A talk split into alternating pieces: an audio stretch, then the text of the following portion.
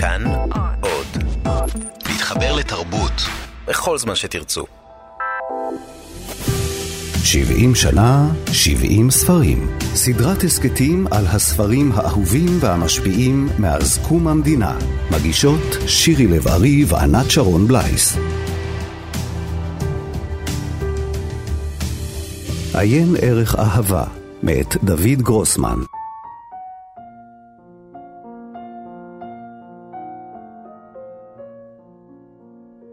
זה היה ככה, שכמה חודשים אחרי שסבתא הני מתה וקברו אותה בתוך האדמה, קיבל מומיק סבא חדש.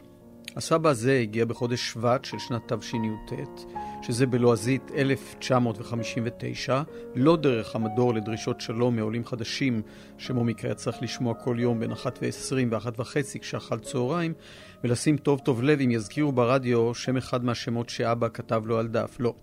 הסבא הזה הגיע דרך אמבולנס מגן דוד כחול שעצר אחרי הצהריים באמצע סופת גשם ליד המכולת קפה של בלה מרקוס וממנו ירד איש שמן ושזוף, אבל לא שוורצה, אלא משלנו. ושאל את בלה אם היא מכירה פה ברחוב את משפחת נוימן. ובלה נבהלה ונגבה מהר את הידיים בסינור שלה ושאלה, כן, כן, קרה משהו חס וחלילה? והאיש אמר שלא צריך להיבהל, כלום לא קרה, מה צריך לקרות? רק שהבאנו לכם פה איזה קרוב משפחה. והוא הצביע עם האגודל שלו אחורה אל האמבולנס, שנראה לגמרי שקט וריק, ובלה נהייתה פתאום לבנה כמו הקיר הזה, והיא כידוע לא פוחדת משום דבר, ודווקא לא הלכה אל האמבולנס, ואפילו התרחקה קצת לכיוון של מומיק, שישב ליד אחד השולחנות הקטנים ועשה שיעורים בתורה, ואמרה, וייזמיר, מה פתאום קרוב משפחה עכשיו?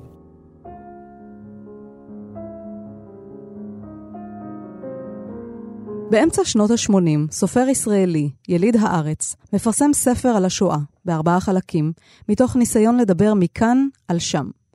עיין ערך אהבה, מאת דוד גרוסמן, היה אירוע ספרותי כשיצא לאור ב-1986. מומיק, דמות ילד שתעבור בהמשך גלגולים שונים בספרים של גרוסמן, הוא בן להורים ניצולי שואה, שמקפידים לא לספר לו דבר על מה שאירע באירופה, מתוך רצון לגונן עליו ולספק לו ילדות שפויה ככל האפשר. אבל הדמיון של מומיק עובד שעות נוספות. הוא מחפש את החיה הנאצית, בטוח שהיא מסתתרת מתחת למיטה, והוא מנסה להתקרב אל הדוד החדש שקיבל, דוד אנשל, אוד מוצל מאש. כל זה מתרחש בירושלים של סוף שנות ה-50, תחילת שנות ה-60, כשהשם עוד היה שם. חלקו הראשון של הספר, המתאר את מומיק, כתוב באופן ריאליסטי. שלושת החלקים הבאים בספר אינם ריאליסטיים, ומבטאים למעשה את אי האפשרות לדבר על השואה. החלק השני בעיין ערך אהבה מתאר את הסופר הפולני ברונו שולץ שנספה בשואה והופך אותו לדג סלמון. החלק השלישי מתרחש במחנה השמדה בפולין ומתאר את הדוד אנשל וסרמן שהוא סופר ואת יחסיו האינטימיים, הסבוכים, עם מפקד המחנה, נייגל הנאצי. החלק הרביעי בספר בנוי כלקסיקון והוא מספר על קזיק, תינוק שחי 24 שעות בלבד.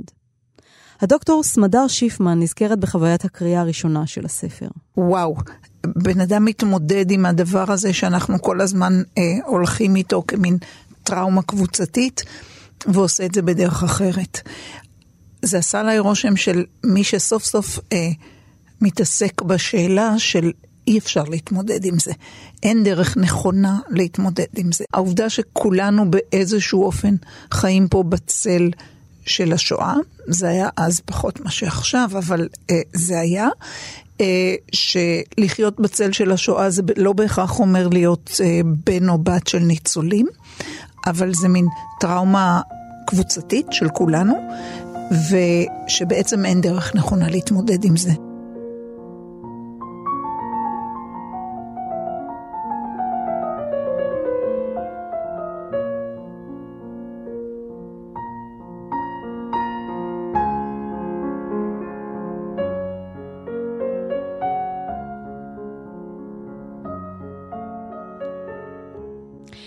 הפרופסור אבנר הולצמן מדבר על הופעתו של דוד גרוסמן בספרות העברית. דוד גרוסמן הופיע בספרות העברית, אה, אפשר לומר, הופעה מטאורית.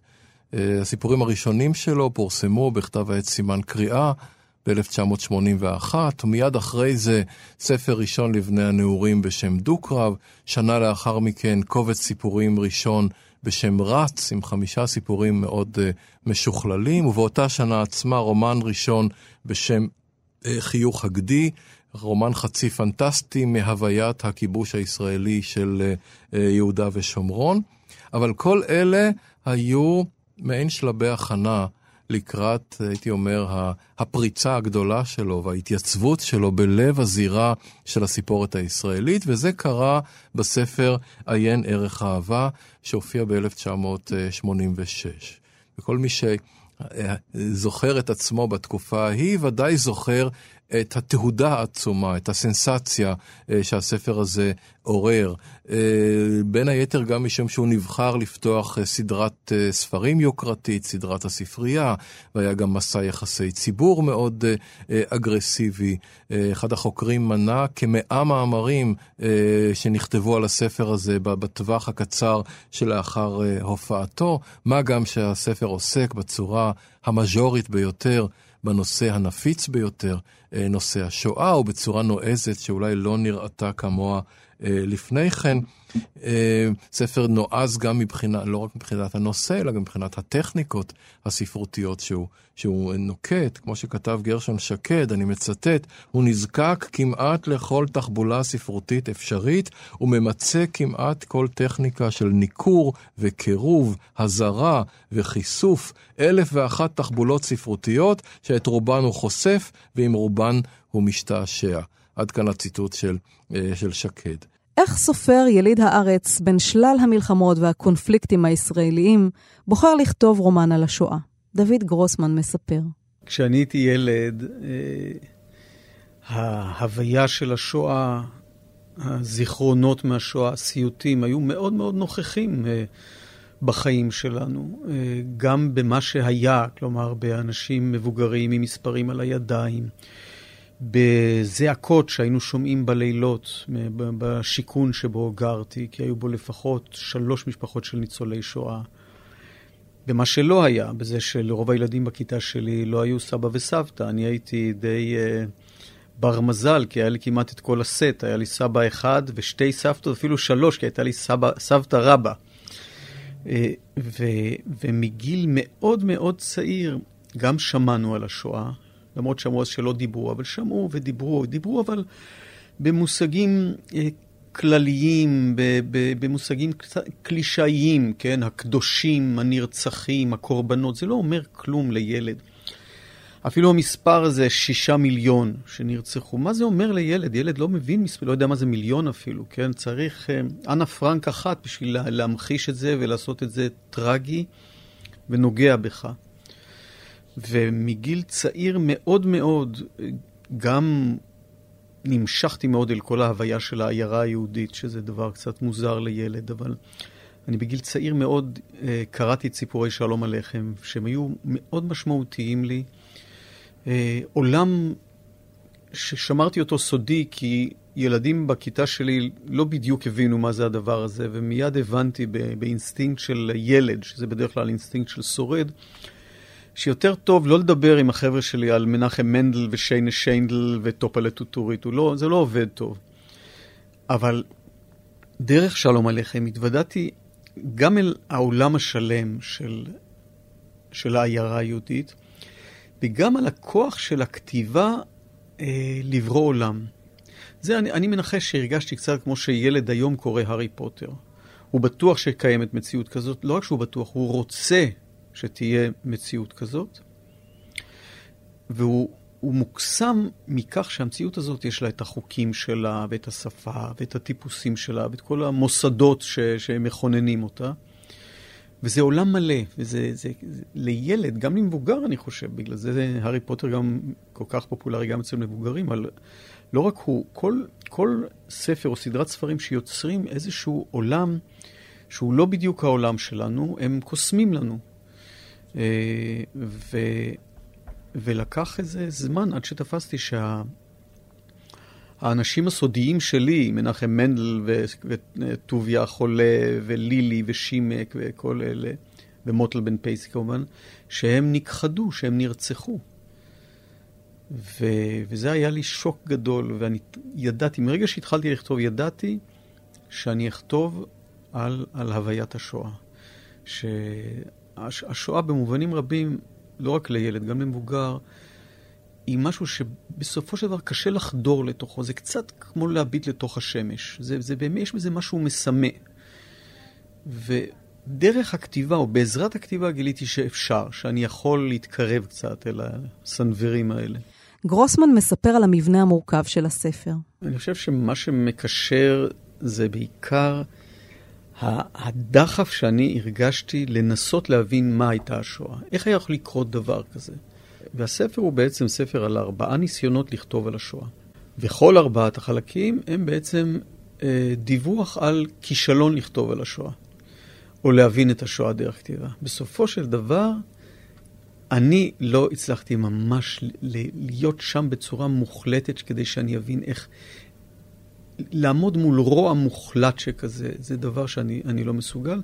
ואגב, אני, אני אספר לכם שהיה עוד חלק, היה חלק חמישי לעיין ערך שכתבתי אותו והחלטתי לא לכלול אותו בספר, גם מתוך uh, החמלה האנושית המפורסמת שלי על קוראי, למה שיסבלו כל כך הרבה, וגם בגלל uh, שמספיק ארבע פעמים להיכשל לכתוב על השואה, לא צריך חמש. ריטה צפלוביץ' מרחובות מחפשת את אימא שלה, שרה ברונשטיין גליקמן.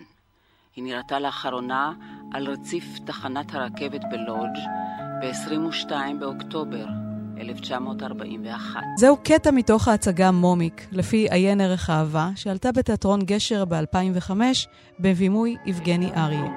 בן יוכבד והרשל פרומקין, מסתרי, מחפש את אשתו אלישבע לבית אייכלר, ואת שני בניו התאומים, יעקב ומאיר, ילידי 1925. גר עם אמא ואבא בירושלים. משפחת מנדל, השם שלי שלמה אפרים נוימן. אבל כולם קוראים לי פשוט מומיק. אמא ואבא מכריחים אותי כל יום בין אחת ועשרים ואחת וחצי להקשיב לתוכנית הרדיו דרישות שלום מעולים חדשים וחיפוש קרובים ולרשום אם הקריין יקריא איזשהו שם מהרש... מהרשימה שאבא כתב לי על דף. הרשימה של כל הקרובים והמכרים שלנו הוא משם. הפתק עם השמות כבר מלוכלך משמן של אלף ואחת ארוחות צהריים, אבל אפילו פעם אחת במשך השנתיים שאני מקשיב לתוכנית, לא אמרו שם אף שם אחד שלנו. לא היה שם אף אחד בשם נוימן או מינץ או וסרמן, שהגיע לארץ ישראל מפולין אחרי כל מה שהיה. אך, אני מודה שבזמן האחרון התחלתי להקשיב רק באוזן אחת. זה היה ככה, שכמה חודשים אחרי שסבתא הני מתה וקברו אותה בתוך האדמה, קיבלתי סבא חדש.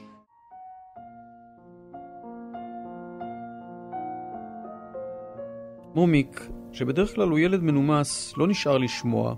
יצא החוצה אל הגשם ואל האמבולנס, וטיפס על המדרגה האחורית שהייתה שם, וניגב את הגשם שהיה על החלון הקטן והעגול, והסתכל פנימה, וראה את האיש הכי זקן בעולם, שוחה לו בפנים, כמו נניח דג בתוך אקווריום. הוא היה לבוש פיג'מה עם פסים כחולים, והיה צימוקי כמו סבתא הני לפני שהיא מתה. היה לו אור קצת צהוב וקצת חום, כמו של צב, וזה נתלה לו מהצוואר שלו ומהידיים שלו שהיו מאוד רזות, והראש שלו היה קרח לגמרי, והיו לו עיניים כחולות וריקות. הוא שחה באוויר של האמבולנס בתנועות חזקות לכל הכיוונים, ומומיק נזכר דווקא בעיקר השוויצרי העצוב שדודאיתקה ודוד שימק הביאו במתנה סגור בתוך כדור זכוכית קטן ועגול עם שלט גיורד שמומיק במקרה שבר. ובלי לחשוב הרבה מומיק פתח את הדלת ונבהל כששמע שהאיש מדבר לעצמו בקול משונה, עולה ויורד, פתאום בהתלהבות, פתאום כמעט בוכה, כאילו הוא מציג הצגה או מספר למישהו סיפור שאי אפשר להאמין לו. ובבת אחת, ואת זה באמת קשה להבין, מומיק היה בטוח באלף אחוזים שהזקן הוא אנשל, האח הקטן של סבתא הני, הדוד של אמא, שתמיד אמרו שמומיק דומה לו, בייחוד בסנטר ובמצח ובאף, והיה כותב סיפורים לילדים קטנים בעיתונים בחוץ לארץ, אבל אנשל הרי מת אצל הנאצים, יימח שמם בזכרם, וזה כאן נראה חי. אני חושבת שגרוסמן מתחיל פה מהלך מאוד מעניין שהוא אה, ישכלל אותו ב, בספר הדקדוק הפנימי, וגם באישה בורחת מבשורה למשל, אבל יותר ויותר בספרים שלו מתהווה דמות אה, של גבר ישראלי שונה מאוד מהיהודי החדש שאבות הציונות דמיונו לו הם, ושאולי, אפשר להתווכח גם על זה, אבל אולי אה, משה שמיר אה, ייצג אותו באורי של הוא הלך בשדות. אה, הגיבור של גרוסמן הוא גיבור עם רגישות מאוד גבוהה למה שקורה סביבו, למה שקורה בתוכו. והאינדיבידואליות שלו, שתמיד באינטראקציה עם סביבה, עם אה, עולם פוליטי, אה, במובן הרחב של המילה פוליטי שמסביבו, שונה מאוד ממה שאנחנו רגילות ורגילים לצפות לו מגיבור ישראלי. הילד הרגיש הוא בן של ניצולי שואה, שרוצה להושיע את ההורים שלו. לא את המדינה, את ההורים שלו. זה הגיבור של עיין ערך אהבה. אה, הוא מתפתח להיות סופר. שרוצה לכתוב ולתקן על ידי כתיבה את החוויה של ההורים שלו בשואה. ברונו נותר לבדו. הכריש הזקן ששט בעקבות הלהקה עצר באמצע הדרך. הביט אל המוני הדגים המתרחקים, ואל היצור המוזר, המדיף ריח דם, והנראה כטרף קל במיוחד. הוא החליט ליהנות משני העולמות, צלל בתנופה ונעלם מתחת למים. מסילה צרה ומהירה נסתמנה בקו ישר לכיוונו של ברונו, שלא חש דבר. החלק השני של הרומן מוקדש לסופר הפולני-יהודי ברונו שולץ, שהופך ברומן לדג סלמון. לדוד גרוסמן יש קשר מיוחד עם ברונו שולץ. אחת ההנאות הגדולות שלי בקשר לעיין ערך אהבה, זה שכמעט בכל שפה שהופיע תרגום של עיין ערך, זמן לא רב אחר כך הופיע תרגום, לפעמים פעם ראשונה, לפעמים ש... חזרה של תרגום של ברונו שולץ. אבל זה סופר שאני מרגיש שהיה כל כך נדיב כלפיי, שנתן לי כל כך הרבה. יש כמה סופרים כאלה. בחלק השלישי של הרומן, הסופר אנשל וסרמן מספר לקצין הנאצי סיפורים, כמו אלף לילה ולילה, רק במהופך, מתוך כוונה למות. ובחלק הרביעי והאחרון, לקסיקון על חייו הקצרים של קזיק. גרוסמן מספר כיצד נולד הסיפור על התינוק קזיק ועל חייו הקצרים. חיפשתי דרך לספר את הסיפור של קזיק.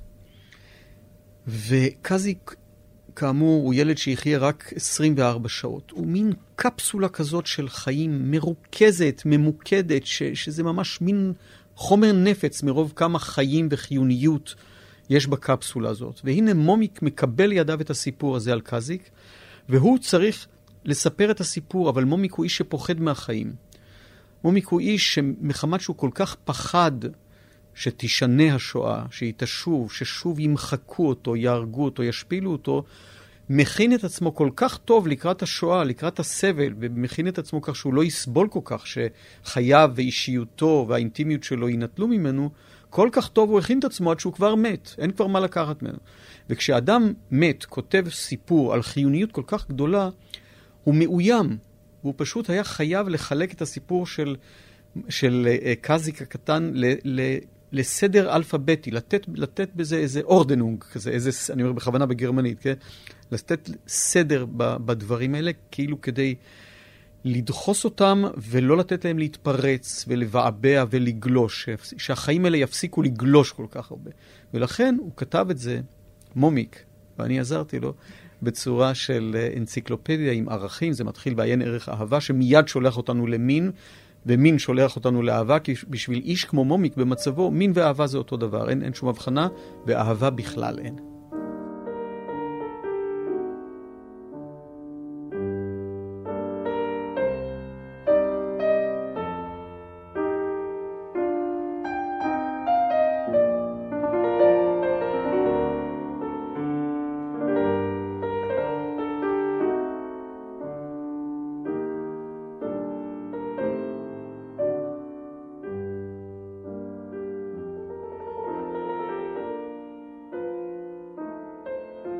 ילדות. אז קודם כל יש הגדרה מילונית, תקופת חיי האדם מלידתו ועד לתום תקופת ההתבגרות.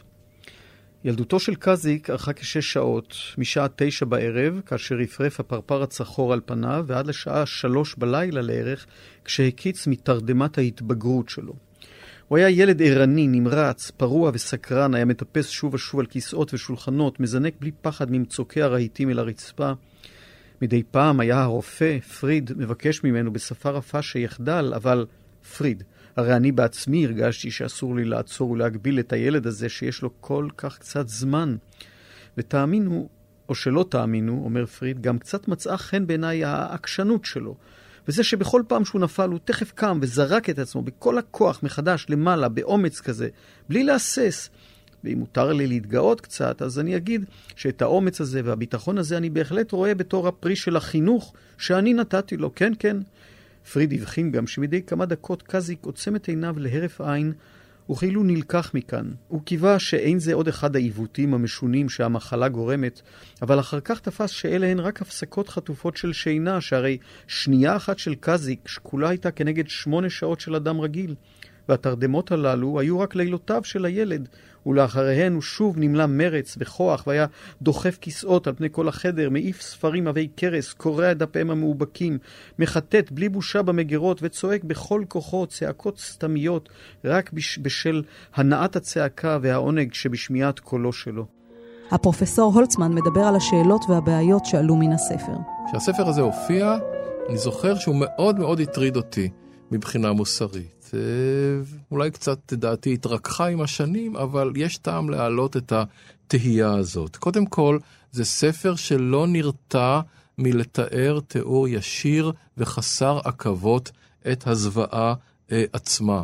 למשל, באותו חלק שלישי מתואר נתיב הייסורים וההשפלה אה, של אה, היהודים המעונים בדרכם אל, אל תא הגזים, ואפילו, דבר שלדעתי אף סופר לא העז לעשות מעולם, הוא נכנס איתם לתוך תא הגזים עצמו. הוא מתאר את ייסורי החנק שלהם, תוך כדי התיאור של וסרמן שמסרב למות.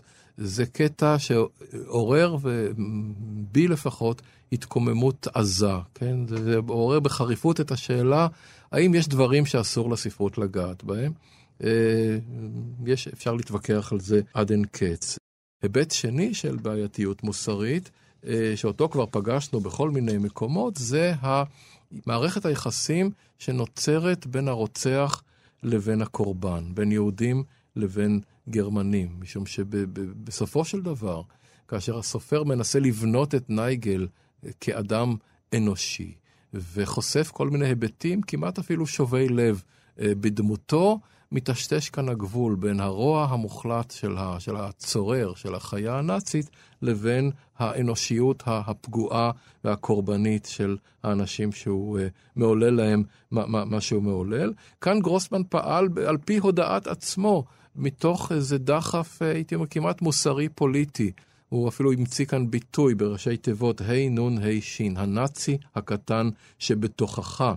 נדמה שדרך הסיפור על אנשל ועל נייגל, ניסה גרוסמן לומר דבר מה על המציאות הישראלית. הנאצים הם אולי משל לרוע שבתוכנו. שנת פרסום הספר, כאמור, היא 1986, ערב פרוץ האינתיפאדה הראשונה. לספר את הסיפור שלך לאדם אחר, אה, זה יכול להיעשות בשתי דרכים לפחות. אחת שאתה מדקלם. אתה מדקלם איזשהו סיפור רשמי כזה, איזה כרטיס ביקור שלך, וכולנו יודעים... לספר את הסיפור של עצמנו בצורה שתקנה לנו את אה, אהדת המאזין, או אהבת המאזין לפעמים. אה, ולפעמים אנחנו לא מרגישים כמה נלכדנו כבר בתוך הסיפור הרשמי הזה. עד כמה הוא בעצם בית סוהר, כן? ואנחנו, אולי אנחנו כבר לגמרי לא שם. במקום שבו נוצר הסיפור, במקום שבו פגעו בנו, הזיקו לנו, השפילו אותנו, במקום שהיינו ילדים, חסרי ישע, במקום שבו הורינו לא הבינו אותנו, חברינו לגלגו לנו. כל אחד מאיתנו יש אינסוף חוויות כאלה שכוננו אותו, ושסביבם מתגבש הסיפור, הסיפור הרשמי שלו. אבל אולי היום אנחנו כבר לא במקום הזה, אולי אנחנו יכולים בכלל לספר סיפור אחר, שבו אנחנו למשל, נבין מדוע ההורים שלנו התנהגו אלינו כפי שהתנהגו. מדוע הם עשו את השגיאות? הרי גם, גם להורים יש זכות לפסיכולוגיה, כמה שזה נשמע מופרך. אז פתאום, אם אנחנו מספרים את הסיפור לא בדרך של קלישאה, אלא מתוך איזו גמישות ובאמת להיות חזרה במקום ההוא, אנחנו יכולים להשיג איזו תנועה חופשית בתוך הסיפור הזה. ו- ואנחנו מקבלים מבט אחר עליו, ואז אנחנו גם חופשיים יותר ומשוחררים. ואגב, זה נכון לא רק לבני אדם יחידים, זה נכון גם לחברה שלמה, זה נכון לעמים שלמים, שגם הם נלכדים לא פעם בסיפור הרשמי שלהם, שפעם היה לו תפקיד מאוד חשוב, תפקיד מכונן ביצירת הזהות של העם, של החברה. אבל אולי אנחנו כבר לא שם. אולי אנחנו לא יכולים לספר לעצמנו אולי סיפור חדש, אחר, נועז יותר. עד כאן התוכנית על הספר עיין ערך אהבה, מאת דוד גרוסמן. כאן באולפן, שירי לב-ארי. כל שישי בערב בדירה שונה, חבורה נפגשת כבר עשרים שנה. דוב בא עם רגינה, רותי מרדכי, מוישה עם שושנה, חיה עם שבתאי, כל אישה נושא צלחת או מגש כיבוד.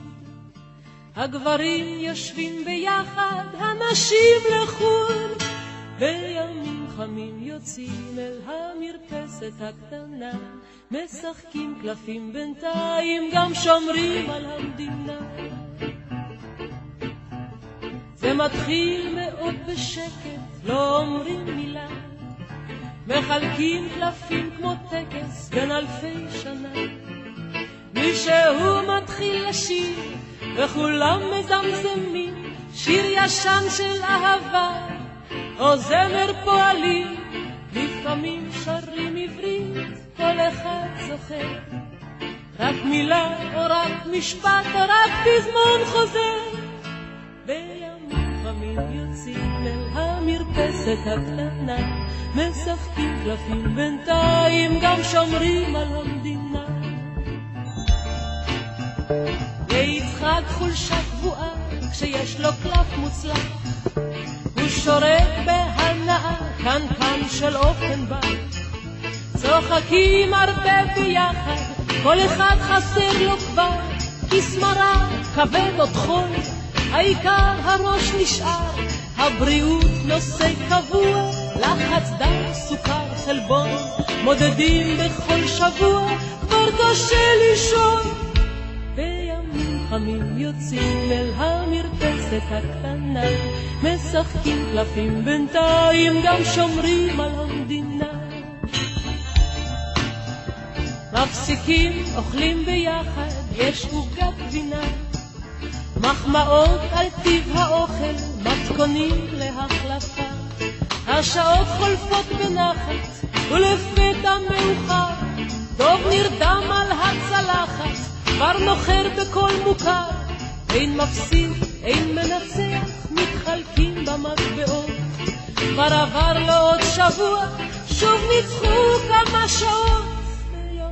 חמים יוצאים אל המרפסת הקטנה, משחקים קלפים בינתיים, גם שומרים על המדינה.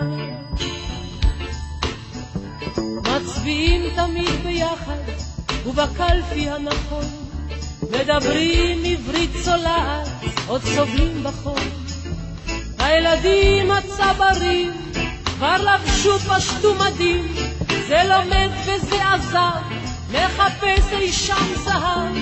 הם יושבים על המרפסת ושומרים על המדינה, אוהבים אותה בשקט בלי לומר מילה.